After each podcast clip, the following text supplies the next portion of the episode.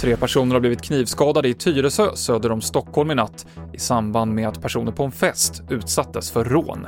Under det här rånet av festdeltagarna så uppstod någon form av fysiskt bråk, alltså handgemäng och då skadades tre personer i det bråket. Vi bedömer att de skadorna har åsamkats de här tre personerna med kniv. Två personer har lindriga skador och en person har allvarliga skador, men vi bedömer inte att de skadorna är livshotande. Mer om det här på TV4 Play. Antalet kortbedrägerier minskar nu för första gången på länge enligt ny statistik. Kortbedrägerier står för nästan hälften av alla bedrägeribrott, men sedan årsskiftet så är det striktare krav på verifiering för kortköp på nätet, som att man behöver använda BankID eller PIN-kod.